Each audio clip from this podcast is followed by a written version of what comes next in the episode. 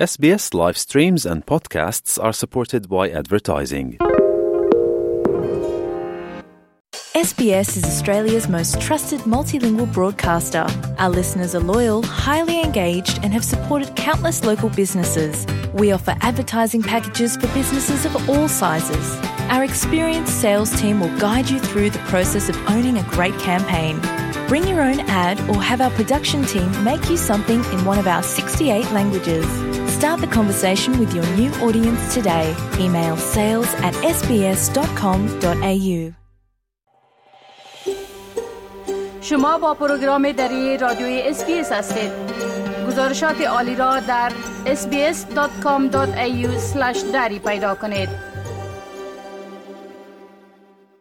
شنونده های عزیز حال همکارم فضیل تصمیم درباره یکی از رویدادهای مهم روز صحبت می‌کنم. فضیل جان سلام عرض می‌کنم. خب این رویداد درباره شیوع ویروس کرونا و نوع جدید ای, ای ویروس است. بله؟ بله سلام خدمت شما و شنونده های محترم شکیب صاحب. قسم که گفتیم بله در حالی که در اواخر هفته گذشته مسئولین صحی از شیوع نوع جدید کووید 19 هشدار دادن و گفتند که نگران گسترش سریش هستند. کارشناسای صحی در استرالیا گفتند که نوع کووید XBB 1.5 تا حال به عنوان قابل انتقال ترین نوع کووید شناخته شده. یکی از خاصیت های رشد این نوع کووید عمله به سلول های سالم بدن است که آنها را بیشتر از همه انواع کووید عفونی تر می سازه. مراجع صحی در استرالیا میگن واکسین های فعلی برای متوقف برای متوقف کردن گسترش عفونی بودن توانایی کامل نداره. در حالی که ارقام از اداره صحت نیو ساوت ولز نشان داده که تنها تعداد کم نوع کووید XBB در استرالیا تشخیص شده مقامات صحی به کسایی که آسیب پذیر هستند دور چهارم واکسین توصیه می‌کنه. و اما آنچه که در مورد این نوع کووید باید بدانیم ایست که مسئولین صحی و کارشناسا میگن با آنکه سرعت انتقال XBB 1.5 سریعتر است اما لزوما شدیدتر از موارد قبلی انواع کووید نیست. این نوع کووید در ایالات متحده امریکا وجود داره و مانند دیگه انواع کووید در سه سال گذشته این نوع هم حال به استرالیا رسیده. پروفسور رابرت بوی از دانشگاه سیدنی به اس نیوز گفت که XBB 1.5 یک نوع دیگه از اومیکرون و بیشتر از دیگر انواع آن قابل انتقال است و پروفسور بوی گفت که من او را پسر بعد اضافی می نامم. در حالی که پروفسور بوی میگه تعداد از کارشناسای این نوع تعدادی از کارشناسا این نوع کووید جدی نمی‌گیرن اما با گفته او این بدترین نوع تا حاله است که معتقد است که احتمالا نسبت به انواع قبلی کمتر خشن است. او گفت که ویروس در حال گسترش است. تا آنجایی که ما می‌دانیم این نوع جدید ویروس به صورت انتشار پیدا می‌کنه و خاصیتش است که سلول های سالم بدن مورد حمله قرار میده بله. خب در مورد موثر بودن واکسین های موجود برای این نوع جدید ویروس کرونا هم گفته میشه که هنوز معلوم نیست که آیا این واکسین ها در محافظت مردم از این نوع موثر است یا نه. بله. بله قسمی که شما گفتین با در نظر داشت خاصیت های طبیعی و ترکیبی واکسین ها در برابر این نوع کووید هنوز موثر بودنش علیه XBB 1.5 نامشخص است. پروفسور هوی میگه که ما هنوز بسیاری جواب ها را نمی‌فهمیم زیرا ای بسیار زود است و به بسیار سرعت هم انتقال می‌کنه. او همچنان گفت که ممکن است تا هفته های بعدی اثرات واکسینه برای نوع کووید پیدا کنیم.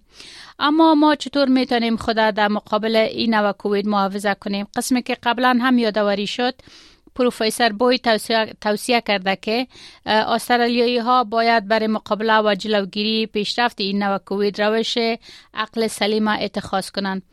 ای به ایمان است که گرفتن واکسین تقویت کننده مهم است و واکسین چهارمی اگر شما یک فرد آسیب پذیر هستین.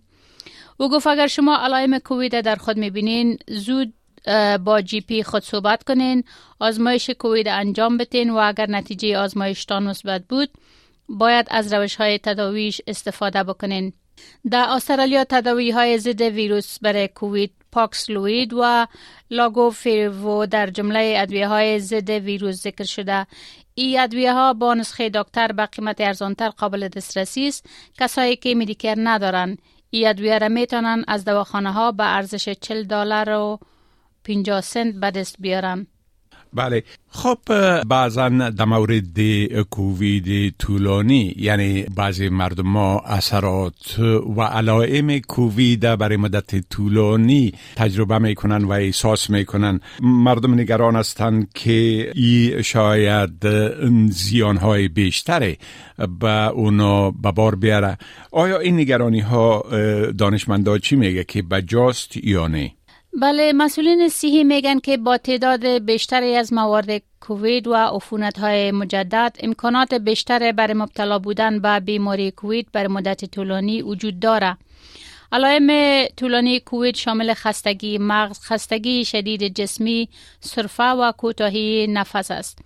پروفسور بوای گفت که اگر کسی بعد از مبتلا شدن به کووید 19 علائم شدید تجربه می‌کنه به ایمان است که از بیماری کووید طولانی رنج می‌بره.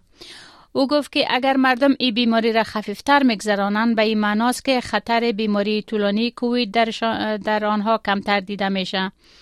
برخی از مردم نیز از دست دادن موهایشان را به عنوان یکی از علائم کووید طولانی مدت گزارش دادن.